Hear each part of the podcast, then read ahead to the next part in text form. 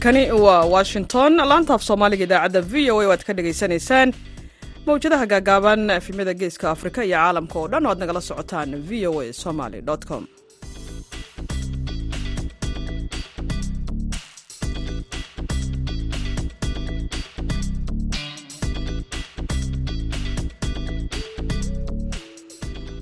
duhur wanaagsan.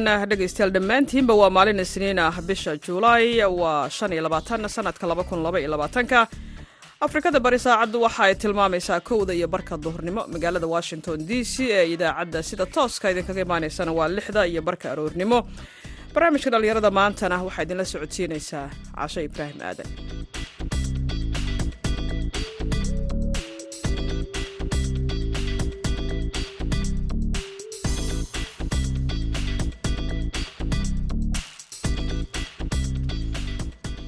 qodobada aad ku maqli doontaan idaacadda duhurnimona waxaa ka mid ah magaalada gaalkacyo oo lagu qabtay kulan looga hadlayey sidii ay iskaashi u yeelan lahaayeen dhallinyarada shaqadoonka ah iyo kuwa loo shaqeeyo. Barnaamijkani waa bandhig xirfadeed waa bandhig furan ay ku kulmaan dadka shaqabixiyaasha ah iyo dadka shaqadoonka ah. Halkaasi waxaa bandhigyo ku samayn doonaa labada qaybood. Dadka shaqabixiyaasha ah halkaas waxay ku soo bandhigi doonaan adeegyadooda hanaanka shaqo abuurkooda iyo isbeddelka suuqa.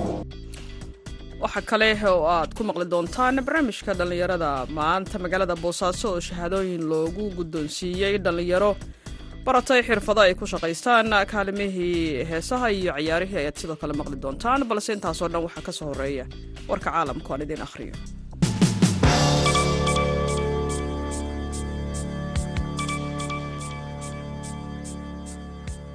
dalka hindiya drobadi mormo oo ahayd macalin dugsi ayaa loo dhaariyey madaxweynaha dalkaasi iyadoo ah tii ugu horreysay ee ka soo jeeda qabaa'ilka dalkaasi ee qabtaa xilka ugu sarreeya.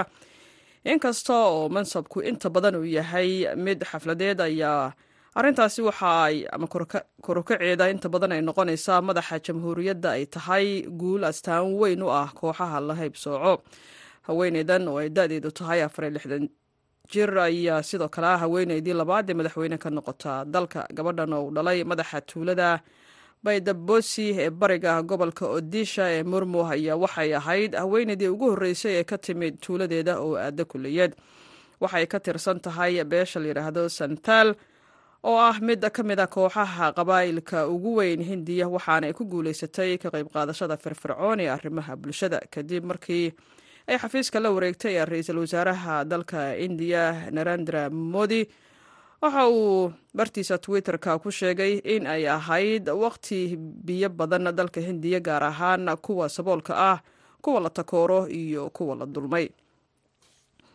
Sharciyo cusub oo loogu talagalay in lagu xafido tamarta ayaa waxaa lagu wadaa inay ka dhaqan galaan dalka faransiiska gaar ahaan dukaamada baqaarada ku shaqaynaya qaboojiyaasha amaba mashiinada loo adeegsado in ay kuleeliyaan guryaha ayaa lagu amri doonaa in ay albaabada u xirnaadaan. Wasiirka kumeel gaarka ah ee deegaanka ayaa arrintaasi waxa ay ku sheegtay waraysi ay siisay raadiyaha r m c. In albaabada loo furo dukaamada iyadoo ay qaboojiyaashuna shidan yihiin ayaa waxa ay keenaysaa labaatan boqolkiiba isticmaalka tamarta badan ayay tiri waxaanay intaasi ku dartay inay taasi ahayn wax macquula. Dukaanlayaasha ayaa waxa ay wajihi karaan ganaax dhan toddoba boqol lixdan iyo lix dollar haddii ay arrintaasi fulin waayaan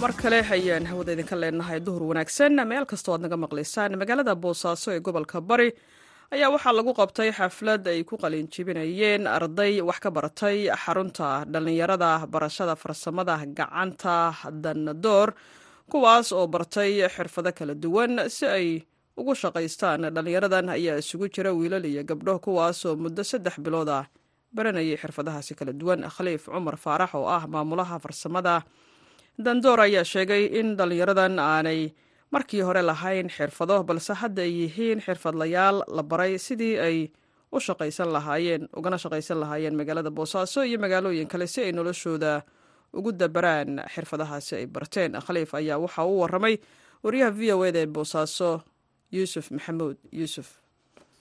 Brograamkana maanta gabagabadiisa u joognay wuxuu ahaa runtii xaflad qaranjabin dhallinyaro soddon gaaraysa tiradoodu oo isugu jira hablo iyo wiilal oo bartay xirfadaha farsamada gacanta. Runtii brograamka waxaa ka hashanayay xarunta dhallinyarada iyo xirfadaha ee dondoor iyo hay'adda shaqadoon mashruuc samreb la yidhaahdo oo eurubian unionku uu maalgelinaya bay qayb ka ahayd.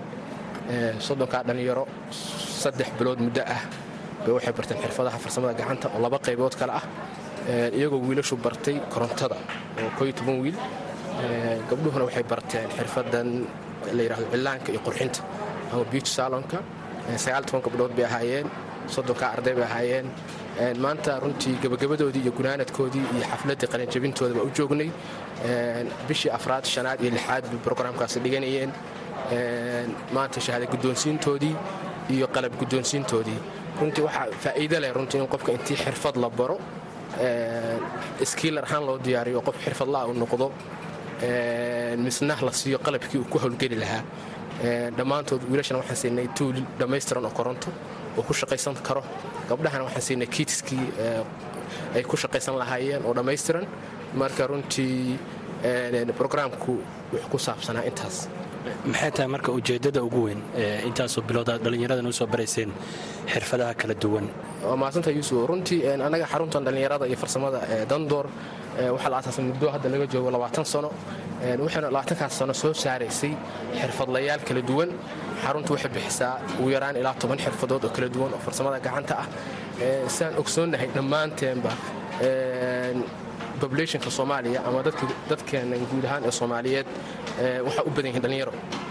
Boqolkiiba toddobaatan waxaa lagu tiyaariyaa inay yihiin under age inay yihiin. Runtiina ay jidho shaqala'aan baahsan oo ka badan boqolkiiba toddobaatan. Marka in loo diyaariyo la soo saaro jiil dhallinyaro ah oo xirfadlayaal ah si ay noloshoodan wax uga bedelaan dadka iyo deegaanka iyo qoysaskoodana ay wax uga bedelaan qofka marka xirfad la baro oo xirfadla u noqdo wuxuu noqonayaa qof shaqaysan kara oo xamaalan kara oo noloshiisa maarayn kara oo weliba aan ku khasbanayn inuu cid u shaqeeyo. Laakiin self employmentiga wax la yidhaahdo qofku inuu iska u shaqaysto bay u sahlaysaa. Marka muhiimadda annagu ay leedahay in dhallinyarada xirfad la baro waxa waaye in isbeddel dhallinyaro la helo in isbeddel bulsho la helo in shaqala'aanta hoos loo dhigo in noloshii bulshada isbeddel lagu sameeyo runtii. Horey dhallinyaradan wiilasha iyo gabdhaha ah hadda barta xirfadda. Markii hore xirfad ma lahaayeen ay ku shaqaystaan. Maya maya ma lahayn runtii. Bilaa xirfad bay ahaayeen. Dad xirfad leh ma ahayn. Waa laga yaaba in aqoon kale oo aqoonadan akademika ah ama secondary ay dhammeeyeen ama dibloomooyin ay haysteen. Laakiin runtii mushkiladda maanta jidha waxa waaye qofku isagoo akademika oo aqoon kale oo jaamacadeed xitaa leh buusan shaqo heli karin. Laakiin markuu xirfad la baro way ka sahlanaanaysaa inuu shaqo helo oo kuma khasbana inuu xafiis u shaqo tago kuma khasbana inuu qof uu noqdo shaqaale laakiin qof iska u shaqaysan kara oo xor ah oo isku filan buu noqon karaa. Gabdhaha iyo wiilasha gabdhaha ayaa badnaa. Marka taasi maxaa sababay? Dabcan horta annaga xaruntayadu runtii mar walba dadka qalanjabinaya xirfadleyda aan soo saarno gabdha u badan waxaana keenaya runtii horta dee populationkiina iyagaa u badan oo dumar baa u badan. Waxaa kaloo keenaya nolosha qoyska isbeddelka ugu badan cidda saamaynta ku yeelanaysa waa haweenka weeye. Gabadha marka wax la baro waxtarkeeda oo xirfad yeelato waxtarka ay qoyska ku celinayso iyo iyadu iyo nafteeda tareysaba way ka ballaaran tahay tan wiilka marka runtii muhiimad gooniya loo leedahay mar walba inay tirada gabdhuhu bataan wax kalena ma ahee nolosha qoyska cidda maanta liidka kaa inta badan. Oo waa hooyo weeye. Gabadhu xita haddaan hooyo ahayn hadday wax barato waa ugu waxtar badnaanaysaa wiilka qoyska. Ugu dambayntii waxaan rabaa inaan ku weydiiye marka qalabka aad siiseen muxuu ka caawinaya marka labada dhinacba waa mahadsantaha yuusuf su'aal fiican waaye. Qalabku runtii waa qalab dhammaystiran labada dhinacba oo kit dhammaystiran ah oo qofka u sahlaya qofkii markii de xirfad la baro oo xirfadla noqdo haddii suuqa lagu sii daayo isagoo xirfadla ah oo aan haysan wax ku shaqaysto. Waxaad kahanaysa inuu shaqeeyo. Laakiin marka isagoo xirfad leh misna loo sahlo qalabka ku shaqaysan laha inuu helo waxa u fududaanaysa inuu shaqeeyo. Marka qalab dhammaystiran qofku ku shaqaysan karo baahida xirfaddaa uu bartay qalab koobi kara oo dhammaystiri kara oo shaqada uu qabanayo ku filan waaye runtii. Kan gabdhahana sidoo kale kan sidoo kale. Marka waxay u sahlaysaa qofku inuu si fudud uu shaqo u abuurto isagu ama si iskiisa uu shaqato. Haddada korontadoo kale dabcan waxyaalaha ugu baahida badan oo dee guri kasta koronta ku jidha. Meel kastoo laga shaqaynayo ama xarun dowladeed ama xarun gaar loo leeyahayba koronta ku jidha. Cilad bixinteedii gelinteedii markii hore intaba runtii waxa loo baahan yahay qof technician oo farsamo yaqaan oo korontiista ah qofku marka sidoo kale waxaa jira shirkado bixiya utilitiga ama waxaa la yidhaahdo manfacaadka korontadoo kale oo shirkad badan baa bixiya. Qofku shirkadahana shaqo u raadsan karaa si iskiina u shaqaysan karaa. Nolol maalka soo bixi ugu dambayntii marka qalabkii baa siiseen ay ku shaqaystaan. Marka iyaga ayaa magaalada gelaya miyaa ka shaqaysanaya mise waxaa kaloo aad samayn kartaan inaad ku dabagashaan siday ugu shaqeeyaan inay goobo kale furtaan. Bal arrintaa iga warran dabcan horta dee dabagal iyo korjoogtayn badanaa waa iska jidhaa oo inta badan isbedelada ku yimaada iyaga kan shaqo hela kan iska u shaqaysta kan cid shaqo ay siiso markaaso ama shirkad koronto shaqo ka hela gabadha meel qurxin samaysata. Inta badan xoogahooda waa helnaa waana waana success stories bay noo tahayoo taariikh waxay noo tahay macnaha ama sheekooyin guulaystay xarunta u tahay. Waana dabagalnaa waana waana gacantana dabcan dee mar walba waa ku haynaa.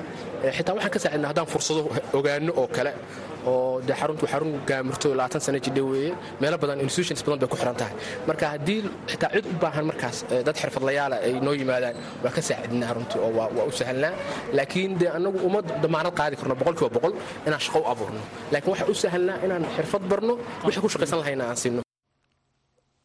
Kaasi waxa uu ahaa khaliif cumar faarax oo ah maamulaha farsamada dandoor ee magaalada boosaaso oo xirfado shaqo abuura baray dhalinyaro ku sugan magaalada boosaaso waxauu magaaladaasi ugu warramayay waryaha v o eda yuusuf maxamuud yuusuf. Halkaad nagala socotaana waa laanta af soomaaliga v o a haatanna waxaad nala dhegaysataan. Heestan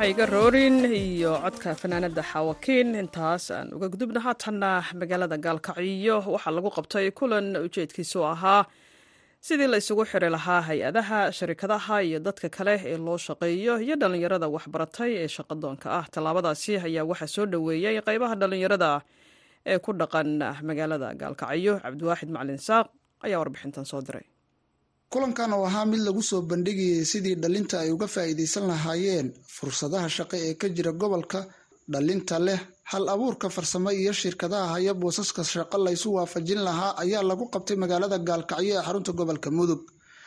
Kulanka oo lagu casuumay qeybaha dhalinyarada gobolka iyo shirkadaha qaar ayaa looga hadlay sidii dhalinta shaqadoonka ah iyo shirkadaha bixiya fursadaha shaqa ay isula jaanqaadi lahaayeen bile xuseen cali oo ka mida dhalintii soo qabanqaabisay kulanka ayaa sharaxaad ka bixiyey sida qeybaha dhalinyarada ay uga faa'iidaysan karaan.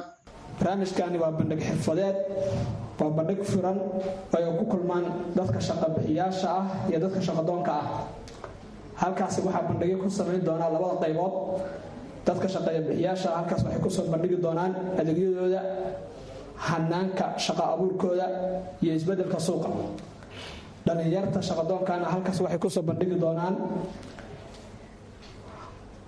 bandhiga hal abuurkooda iyo aragtidooda hal abuurnimo ee shaqadoon ayay halkaas ku soo bandhigi doonaan.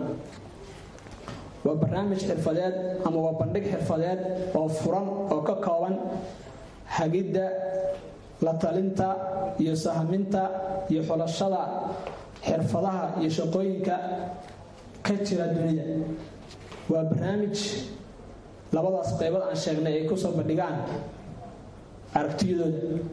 Waxaa jirta dadka shaqadoonka ah waxay raadinayaan shaqo.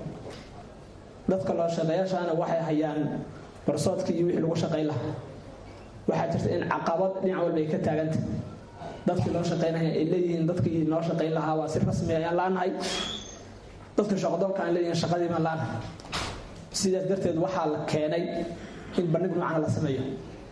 Kow in lagu soo bandhigo shaqo kastoo noocay taha meesha lagu soo bandhigo. Qofaa la hal abuurna meesha lagu soo bandhigo. Kabacdiina shirkadaha iyo ganacsatada barnaamijkaas maalgelin ay ku sameeyaan muhiimadda barnaamij bandhig xirfadeedkan uu leeyahay. Runtii wuxuu leeyahay muhiimad aada u ballaaran oo dhinacyo badan taabanaysa anaa soo koobaya waqtiga maadaamuu nahayo waxaa ka mid a bandhigyada noocaana kale waxaa lagu helaa helidda fursado shaqo fara badan iyo tababaro cilmiyeed. Bandhigyada noocaana kale markii la qabto arday kasta ama qof kasta shaqadoon ah wuxuu ka faa'iidi doonaa tababar cilmiyeed helidda fursad shaqo dhiirigelin maskaxeed hal abuur nafsiya helidda qubaro ku xeeldheer hababka shaqo raadinta iyo baabi'inta iyo tirtiridda shakiga ah shaqo lama heli karo. Qaar ka mid a dhalinyaradii ka qayb gashay ayaa soo dhoweeyey. Aadaan u faraxsannahay tiimka soo diyaariyay barnaamijkan. La isku barayo dadka shaqadoonka iyo dadka shaqada haya. Waxaan leeyahay waa barnaamij ay u baahnaayeen dhallinyarada. Haddii aan ka dhallinyar ahaana waan soo dhawaynaynaa aadaan u faraxsannahay in maantay discussion uu ka dhacay meeshaan oo bangiyada iyo bulshadu ay iska warqabin laakiin maantay ay dad badan ku qanci doonaan. Bangiyadu inay dhallinyaro badan hayaan.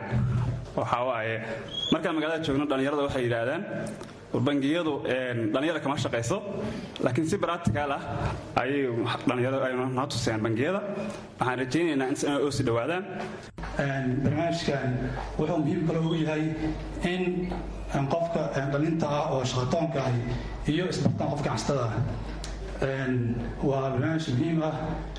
Tiimka soo qabanqaabiyey oo hawshan waday ustaad bile aad iyo aad ugu mahad celinhayaa in ardayda jaamacadaha dhigtaan oo sanadka afraad marayaan in loo sameeyo maxaa la yidhahdaa semesterka toddobaad markii ay galaan jaamacadaha maamulayaashay tagaan practical ee loo furo si ay u imaadaan maxaa la yidhahdaa bangiyada tiimka ka baxeen maxaa la yidhahdaa administrationka ama economica ama accounting tiimka kale oo heltigana qeybaha kale heltiga loogu faa'iideeyo.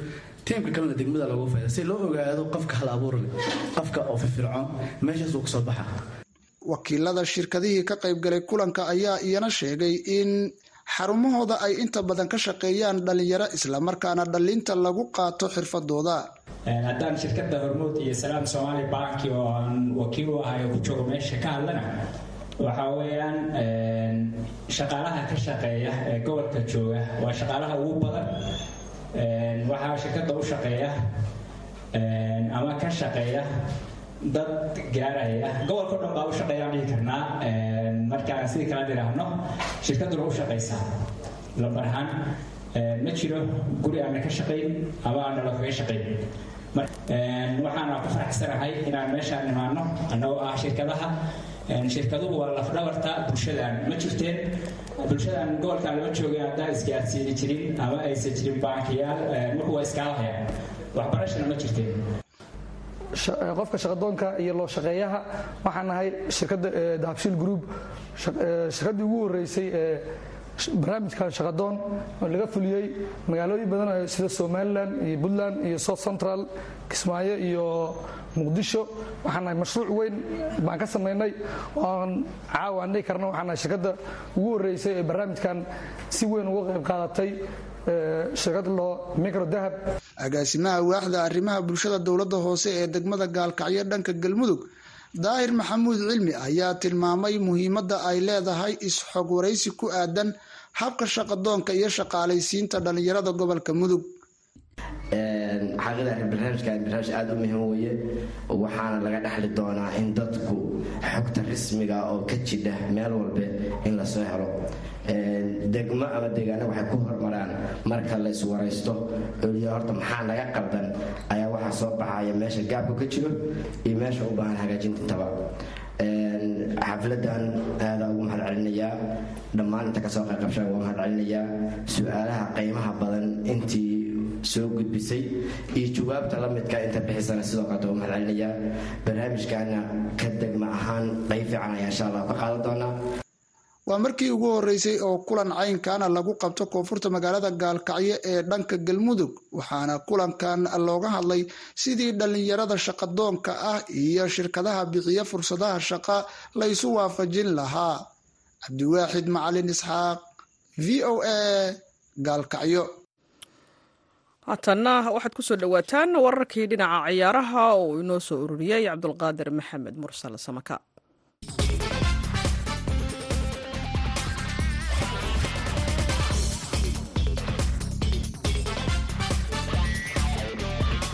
Kulanti wanaagsan dhegaystayaal ku soo dhowaada xubinteenii cayaaraha aan ku bilownay kooxda bayer munik ee kubadda cagta ayaa la sheegayaa inay dadaal ugu jirto sidii ay u heli lahayd saxiixa ciyaaryahan harry ken oo weerarka uga ciyaara kooxda tottenham iyo xulka ingiriiska.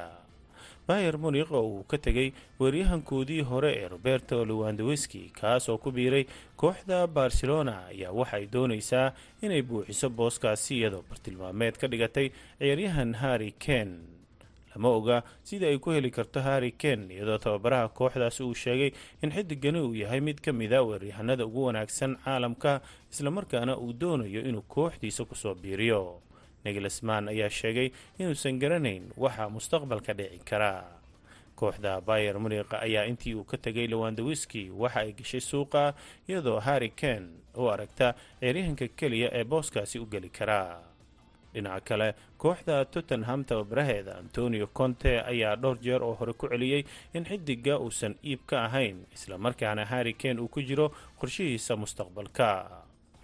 Dhinaca ay dalka sbeinna kooxda barcelona ee kubadda cagta ayaa ku dadaalaysa in ciyaaryahan dejon oo qadka dhexe uga ciyaara kooxdaasi ay ku qanciyaan inuu ku biiro kooxda manchester united oo xilli hore ay heshiis kala gaareen dejon ayaa dhowr jeer oo hore sheegay inuusan doonayn inuu ku biiro kooxda manchester united islamarkaana uu sii joogo kooxda barcelona. Kooxda reer kataloniya ayaana u aragta haddii uu dijon baxo inuu culays dhaqaale ka degayo maadaama xidigan uu mushaar qaali ah ka qaato kooxdaasi. Xidiga reer netherland una ciyaari jiray kooxda ayakis ayaa ka biyadiidaya in tababarihiisii hore ee eric tenhaaq uu kula midoobo kooxda manchester united tababare shafe hernandes oo layliya barcelona ayaana dhowr jeer oo hore sheegay in xidigan uusan doonayn inuu ku darsado qorshihiisa mustaqbalka isagoo inta badan aan safin kulamada isku diyaarinta xilli ciyaareedka.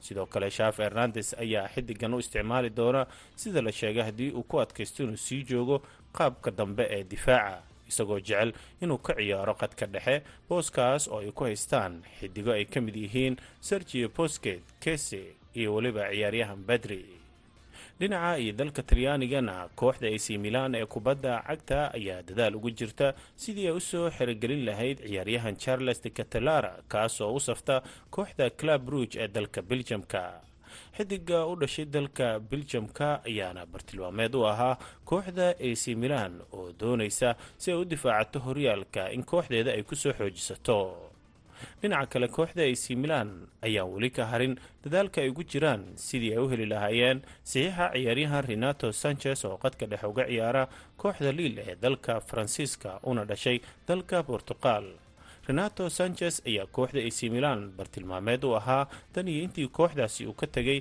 franka kese kaas oo si xora ugu biiray kooxda barcelona renato sanchez ayaa waxa uu ka mid yahay xidigaha ilqabadka leh ee qadka dhexe ee kubadda cagta dunida waxaana tababaraha kooxda ac milan uu doonayaa in kooxdiisa uu ku adkeeyo lamana oga sida kooxda liil ay ku fasixi karaan xidigooda ugu muhiimsan. Sanchez ayaa sidoo kale waxaa doonaysaa kooxda baris san german ee dalka faransiiska. Wararkeennii cayaarahana waa naga intaa